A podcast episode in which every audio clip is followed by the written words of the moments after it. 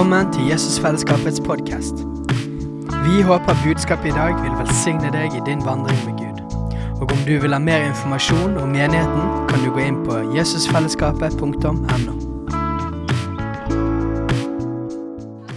Har dere biblene med? I en eller annen versjon?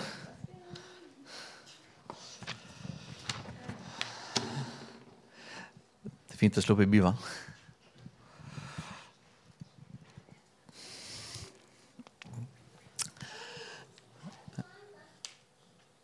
Det jeg opplevde at eh, Gud ville jeg skulle snakke om i dag, var Jeg har veldig mange forskjellige overskrifter, men det er bare ett tema. Og det, eh, En av overskriftene er at han vil vekke opp kjærligheten. Um, den hellige ånd har lyst til å vekke opp kjærligheten i oss. Og det, det, er jo noe som funker uansett hvem vi er, uansett hvor vi er, uansett hva sesong vi er i i livet. Jeg vet ikke hvordan det er med deg, men i mitt liv så er det sånn at Den hellige ånd For det første så ønsker han å gjøre det hver dag, men jeg merker også at spesielt når det går et par måneder, sånn eh, annenhver måned, så eh, tar Den hellige ånd og trykker skikkelig på det igjen. Uh, og jeg merker at han hele tiden han hele tiden vil dra oss tilbake igjen til utgangspunktet som er han. Er det noen andre som har opplevd det?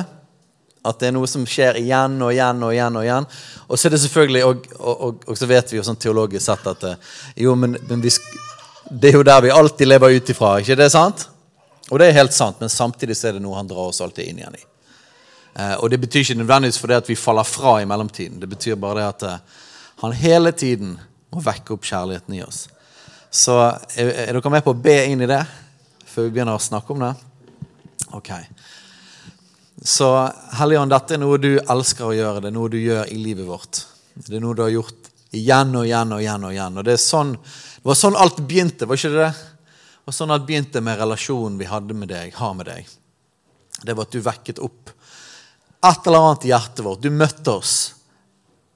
Og når du møtte oss, så ble det vekket opp kjærlighet. Så jeg ber at du kommer med din kjærlighet nå og vekker oss opp igjen. At du fornyer oss igjen, at du forfrisker oss igjen. Fordi at alt dette, hele vår eksistens, det har sitt utgangspunkt i det.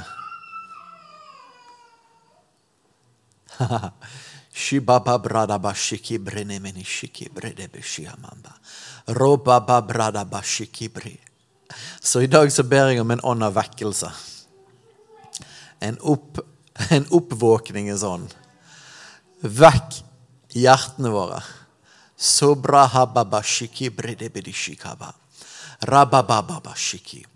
Og om vi i dag lever veldig veldig tett inntil ditt hjerte, at vi kan kjenne dine hjerteslag, så ber jeg at du, at du tar oss enda dypere. Og om vi er litt sånn rustne sånn halvveis, så ber jeg at du vekker opp kjærligheten. Og om vi har begynt å vandre vekk og begynt å, å, å At hjertene våre har begynt å bli kalde og harde, så ber vi at du òg løper etter oss og drar oss inn til deg.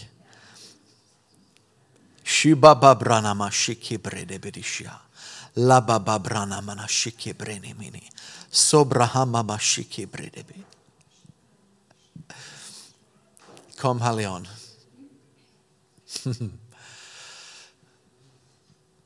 Kom med ditt nærvær. Gjør disse tingene til mer enn ord, men gjør noe i oss denne stunden her nå.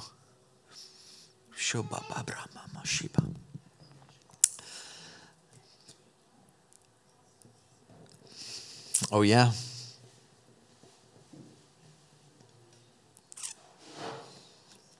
Vi begynner i Salme 23. Hele verdens favorittsalme. Er ikke det? Er det noen som ikke liker Salme 23 her inne?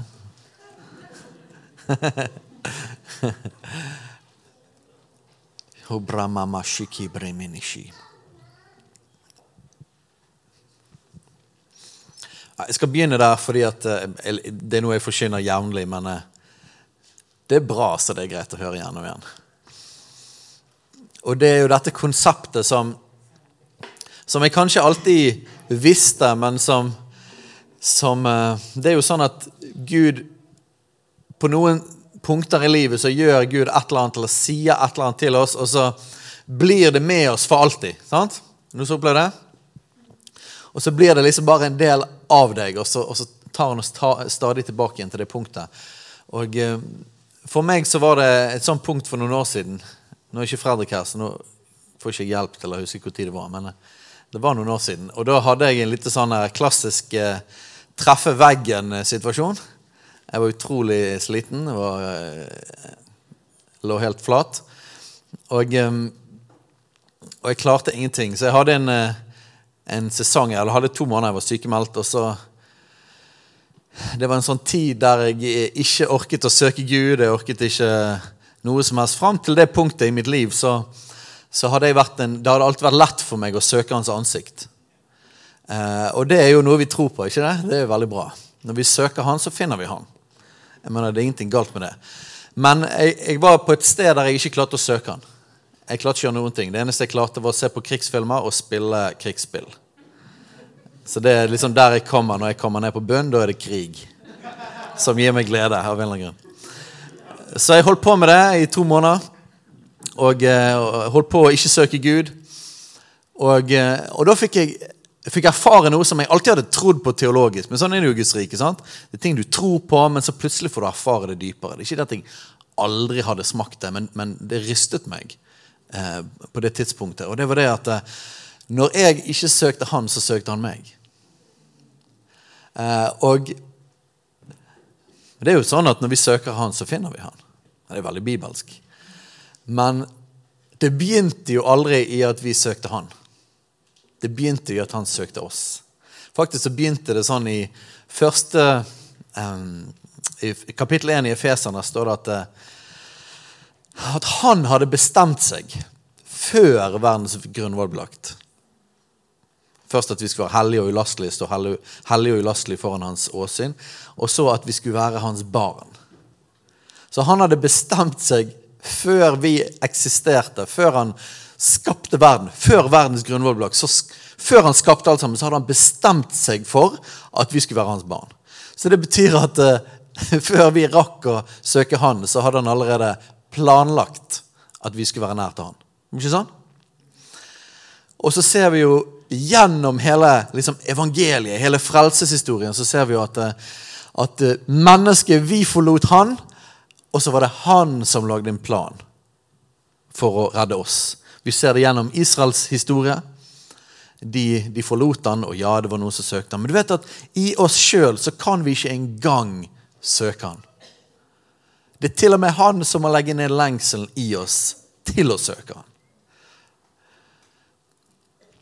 Og I Salme 23 så står det noen herlige vers i dette her konseptet. Det er vers 6 Altså Salme 23, vers 6. Bare godhet og miskunnhet skal etterjage meg alle mitt livs dager. Og jeg skal bo i Herrens hus gjennom lange tider, står det i denne oversettelsen. Jeg sier alltid 'jeg skal bo i Herrens hus for alltid'. For det er rett teologi, ikke det? Nei, det er noen oversettelser som sier det òg. Men vi skal bo i Herrens hus for alltid. Men Hans godhet og miskunnhet etterjager oss og det som jeg syns er så nydelig med akkurat den eh, setningen der, det er det at for at han skal jage etter oss, så betyr det at vi må, vi må i utgangspunktet ha stukket av. Er ikke det fint? At hvis han skal jage etter oss, så er det fordi at vi løper. Så han løper altså etter oss. Er ikke det fantastisk at før vi ville han, så ville han oss? Og til og med når vi løper fra han, så løper han etter oss. Det er evangeliet. I Romerne 5 i et eller annet vers, der står det om at eh,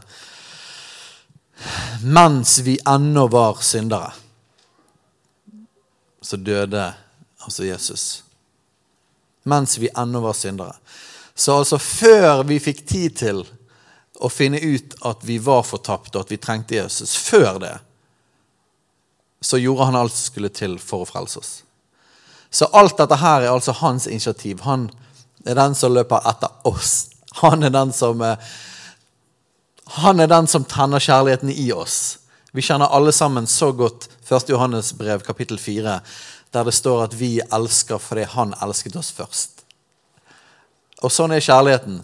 Kjærligheten er sånn at først vekker han kjærligheten i oss med sin kjærlighet. Det eneste vi kan gjøre, det er å reflektere. Han tenner det i oss, og så kommer det ut av oss. Amen.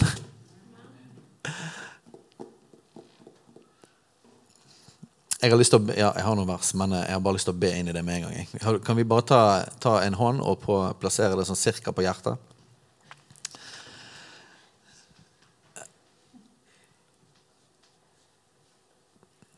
Jeg ber at du skal Jeg ber at du skal gjøre dette her. Jeg ber at du skal gjøre dette i oss akkurat nå. At du skal jage etter oss. At du skal løpe etter oss for å vekke kjærligheten. Jeg ber at, eh, at du, Hellige Ånd, skal virke på oss akkurat disse minuttene her nå, som gjør at vi merker at vi får kontakt igjen med hjertet. At vi blir grepet av deg. Det som er hele grunnen til at vi sitter her, at vi er i dette rommet, det er at du en gang møtte oss. Du gjorde et eller annet. Kom og vekk det opp her.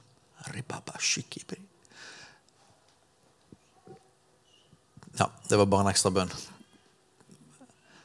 Det jeg skulle fortelle, var det at for to år siden så spilte jeg krigsspill. Og søkte ikke Gud. Og så fikk jeg oppleve det at eh, jeg fikk oppleve disse her versene i praksis. Jeg fikk, jeg fikk erfare det at når jeg ikke søkte han, så søkte han meg.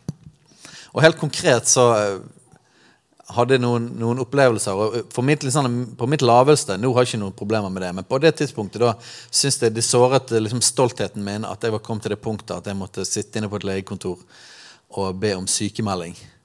Og prøve å overbevise en lege om at jeg var syk nok til å få lov til å få fri. Um, jeg husker Det var sånn her, det var sånn her mentalt bunnpunkt for meg. Jeg hadde opplevd masse tøffe ting, men det var liksom en eller annen sånn her det, Jeg har alltid vært en som har klart meg. Jeg har klart meg sjøl. Jeg, jeg, har klart å være sterk. Eh, og når det hadde skjedd tøffe ting, så hadde jeg alltid vært sterk, og det var en bra ting. Gud har kommet med styrke. Gud har kommet med Men på det punktet så, så opplevde jeg at eh, jeg klarte ikke å stå sjøl lenger. Jeg hadde ikke egen styrke. Så derfor var det ekstra ydmykende. Og jeg husker når jeg satt inne på, på legekontoret første gangen og satt og kjempet med disse følelsene av mislykkethet, så kom en sang som var populær på den tiden. og det er kanskje noen som husker Jeg ble litt, eh, gjorde den sangen litt kjent i miljøet på den tiden. Um, men det var en sånn EDM-sang, sånn danse-pop-sang.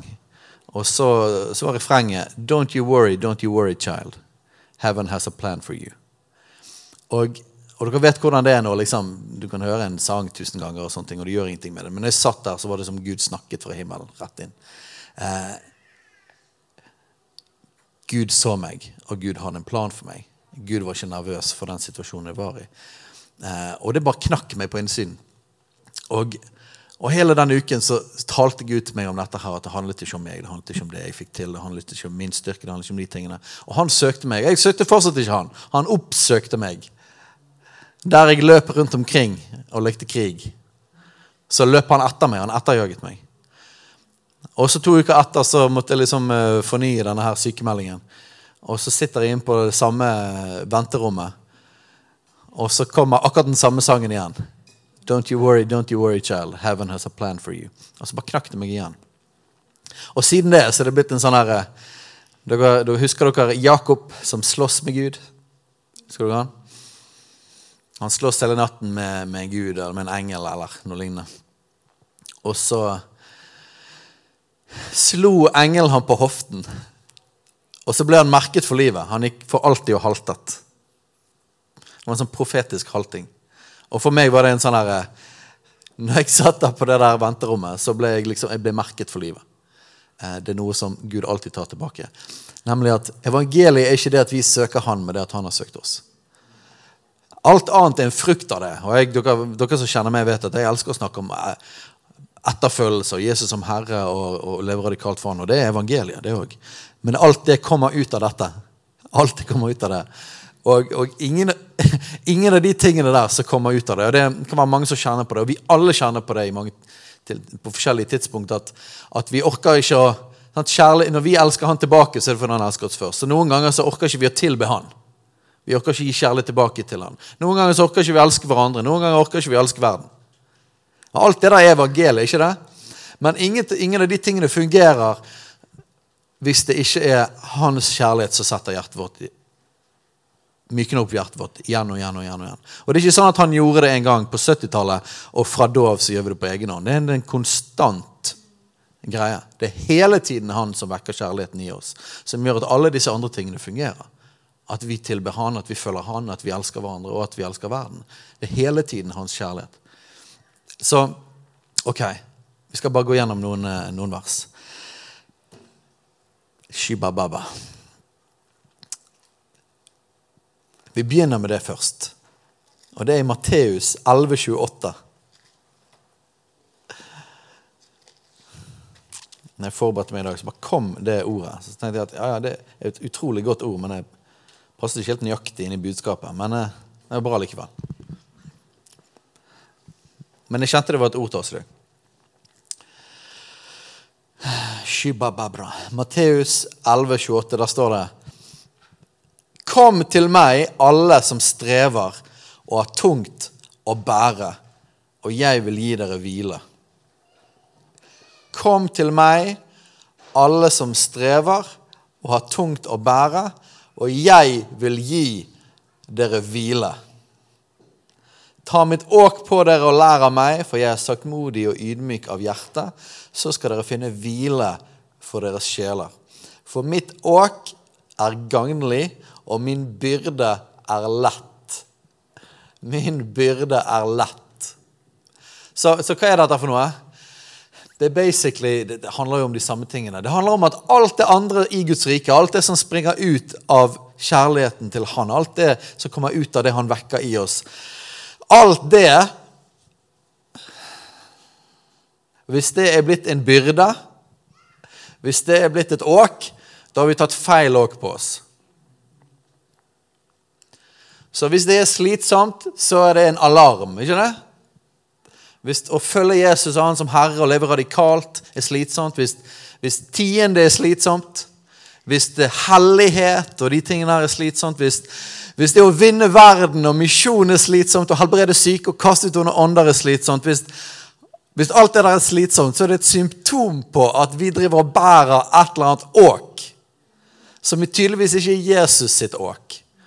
For at alle de tingene der som jeg nevnte i sted, det er ting som Jesus har sagt at vi skal gjøre. Men han sier at hans åk er lett. Hva betyr det, da? Det betyr at det er en eller annen feilkobling når vi kjenner det at det er slitsomt. Og eh, Jeg vet ikke hvordan det er med dere. Det kan skje på veldig mange forskjellige måter. En fyr som heter Torben Søndergård. Vet ikke om dere har hørt om han? For meg så har ikke det vært sånn med Todd White, men andre har hatt det sånn med Todd White. Torben Søndergaard han er en fyr, en radikal evangelist. Han driver uh, Mye man kan si om han, men én ting han iallfall gjør, det er at masse folk blir frelst rundt han. Han gjør mange til disipler og masse spennende ting. Du vet, Sånne folk som virkelig lever sånne ting som Bibelen sier at vi skal leve de, Når de driver og poster ting på Facebook, så kan det være oppmuntrende, eller så kan det bli veldig nedmuntrende. Og eh, Jeg vet ikke om dere har kjent på dette, her, men det er et eller annet med det der med at fra sist gang jeg leste en Facebook-post om noe fantastisk som skjedde, og det liksom traff meg litt og utfordret meg litt, til neste gang jeg leser en Facebook-post om noe enda heftigere som skjedde, så har ikke det skjedd noen ting i mitt liv. Er det noen som har det? Og så tredje gangen man leser en ting, så har det heller ikke skjedd noe i mitt liv. Fjerde og femte, og etter hvert så gidder ikke man å lese mer fra den personen der. Halleluja. Noen som har opplevd det? Og hva er det som er skjedd da? Det er et eller annet rart som er skjedd. i alle fall. Fordi at Det kan jo ikke være vitnesbyrd om det Jesus har gjort, som plutselig vi egentlig ikke liker. Jeg tror ikke det egentlig. Tror dere det? Og det kan jo ikke være det er negativt, det. Men det er et eller annet der med når Gud gjør noe fantastisk, og noen andre får et eller annet sånt der, eller man blir forkynt et eller annet radikalt, eller et eller annet sånt, og så plutselig treffer det, strever det, treffer slitenhet, eller du blir drittlei og du blir sur av det. Da er det kommet en eller annen feilkobling. Et eller annet med en eller annen byrde vi bærer, som ikke er Jesus sin byrde. Er ikke det?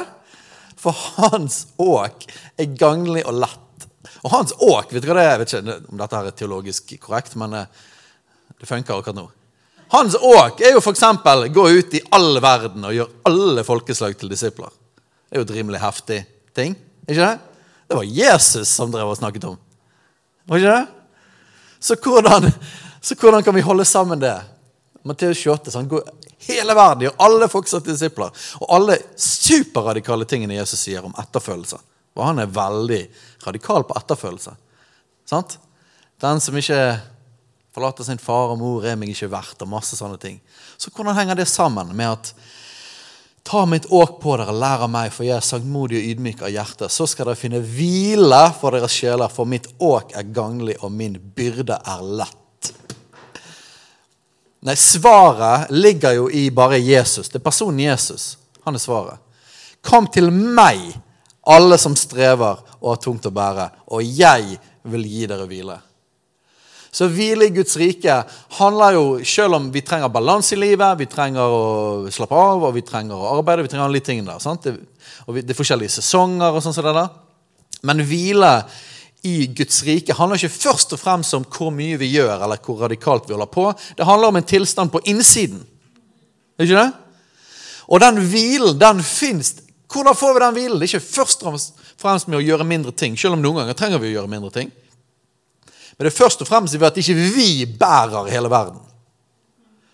Vi går ikke rundt og bærer et sånt, Vi har tatt åket, vi har tatt ansvaret fra han men, men, når vi kommer inn til han, så er det, det vekkes kjærligheten i hjertene våre. Og så er det, er det begeistring, og så er det, så er det hvile samtidig som det kan være å leve intenst og radikalt. Og så er det òg sånn at jevnlig når vi lever, så er det sånn at oi, opps, da gikk vi inn i strev igjen, og så trenger Den hellige ånd å, å, å, vekke opp igjen hjertene våre. Men, men hvile i Guds rike er ikke, er ikke fravær av arbeid. Det er en tilstand på innsiden. Og, og når vi, når vi syns alt radikalt er slitsomt, da er det et symptom på at her er det en feilkobling. Vi trenger, da trenger vi Jesus sitt åk. Eller vi trenger Jesus. Er ikke vi det? Ok, La oss slå opp i Johannes 15. Det er jo et herlig skriftsted når det gjelder sånne ting som dette. Shubrahamba bakanda. Suba mama shiki brini mini shiva. Johannes 15, vers 1. Jeg er det sanne vintre, og min far er vingårdsmannen. Hver gren på meg som ikke bærer frukt, tar han bort. Og for hver den som bærer frukt, og hver den som bærer frukt, den renser han, for at den skal bære mer frukt. Dere er alt rene på grunn av det ordet jeg har talt dere til dere. Bli i meg, så blir jeg i dere. Like som grenen ikke kan bære frukt av seg selv, men bare når den blir i vintreet, slik kan heller ikke dere bære frukt uten at dere blir i meg. Jeg er vintreet, dere er grenene. Den som blir i meg, og jeg i han, han bærer mye frukt. For uten meg kan dere intet gjøre. Uten meg kan dere ikke gjøre noen ting. Så hva er dette for noe? Ikke dette bare et annet bilde på det samme vi snakket om i sted? At hans åk, det er ganglig, det er lett. Men det Jesus sier vi skal gjøre, er jo heftige ting. Det er svære ting, det er radikale ting. Men det er lett fordi at det er Han. Det er Han. Når det er koblet på Han, så er det lett. Når vi ikke bærer det, så er det lett. Og hva er dette her for noen ting? Når vi blir i Han, så bærer vi frukt. Og dere har sikkert alle hørt eh, folk forkynne dette skriftstedet her og, og poengtere det at eh, trær strever ikke for å bære frukt. Sant? Har dere sett noen gjøre den eh, illustrasjonen å være et tre som prøver å presse frukt ut. Og vi vet at det ikke sånn det funker. Men vi vet at så lenge det er riktig næring og jord og lys og sol og forholdene til rette, så er bærer et sunt tre frukt. Det er en del av naturen til et tre.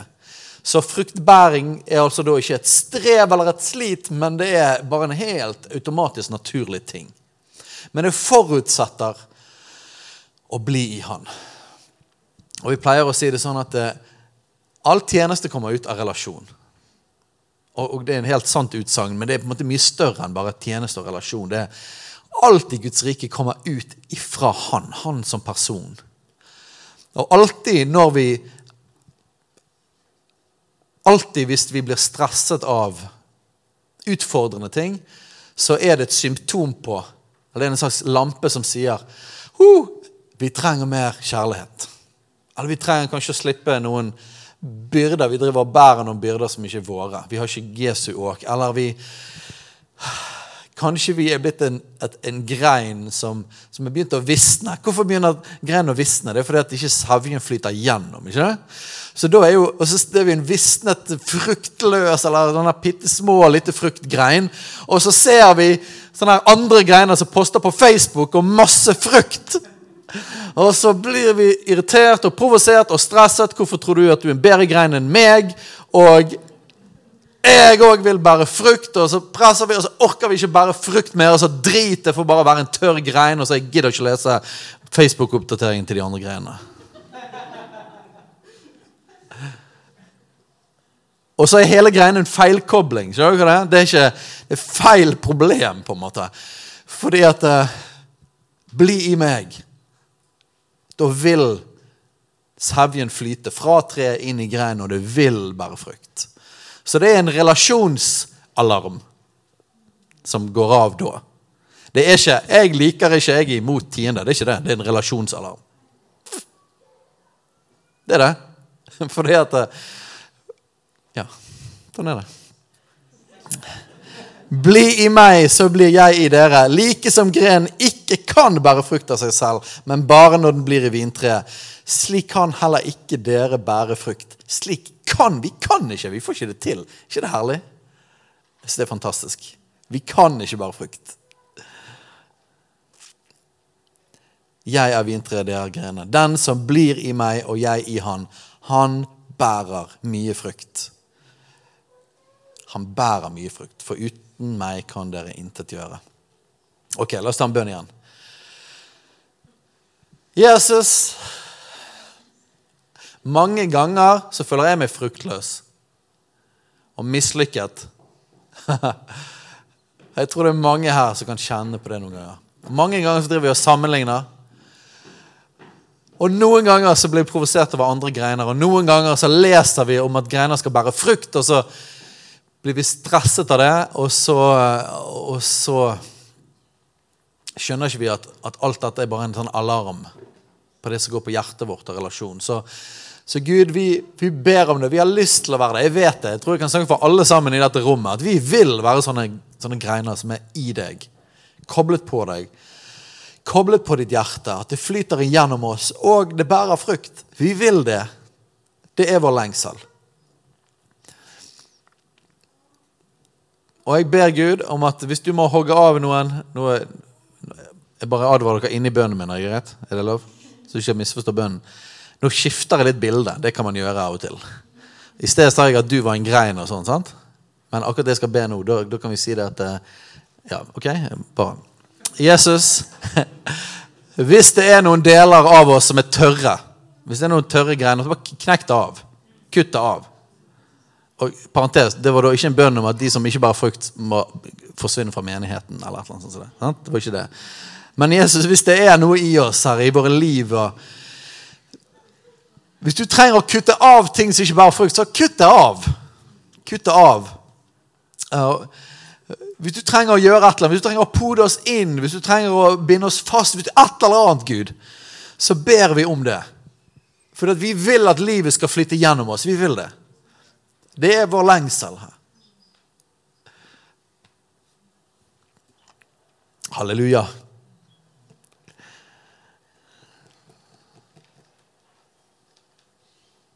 La oss ta den her. Johannes kapittel 21. Shobra mama mama. Jeg hørte en setning fra en Misty Edwards-sang. It all comes down to love. Ikke? It all comes down to love. Dette her er om eh, Dette er når Jesus møter eh, disiplene sine, og spesifikt om, om Peter. Etter Jesus har dødd på korset, og det Peter hadde gjort, hva var det? Det var å svikte. Halleluja. Han eh, bannet på at han ikke skulle, om alle de andre forlot han, skal, jeg skal ikke forlate deg.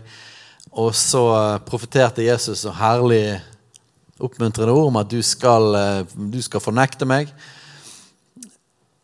Det er bra. Og så, og så profeterte han òg, husker dere det?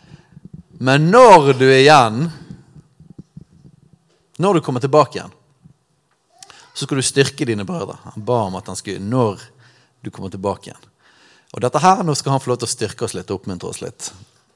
Fordi at eh, Peter han hadde, hadde krasjet, han hadde høye ambisjoner, han hadde store planer. Han, hadde, han ville være en radikal mann. Han ville være den mest radikale av de alle. Og på mange måter var han jo det. Hvis du ser videre i Apostelens gjerninger, så ser du at det var, det var, Peter som reiste opp en landemann med, med liksom utenfor tempelporten. Det var Peter som sto fram og forkynte evangeliet på pinsedag. sånn 3000 ble frelst. Det var Peter som eh, gikk forbi og skyggen helbredet folk. og sånne ting Så, det. så Peter var en radikal fyr. Eh, men han krasjet òg kraftigst. Så Han gikk mest radikalt ut, og han krasjet kraftig. Han gikk på vannet, og så var det han som sank. Og så var det han som fikk kjeft av Jesus fordi han ikke hadde tro. Men det var han som gikk på vannet. sant? Så det er Peter.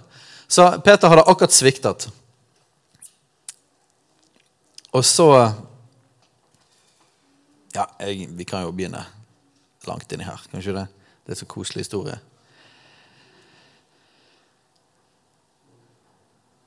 Hvor skal vi begynne, da? Ok, vi begynner, til, vi begynner helt der. Vi begynner i vers 3. Simon Peter sa til de andre, 'Jeg går av sted for å fiske.'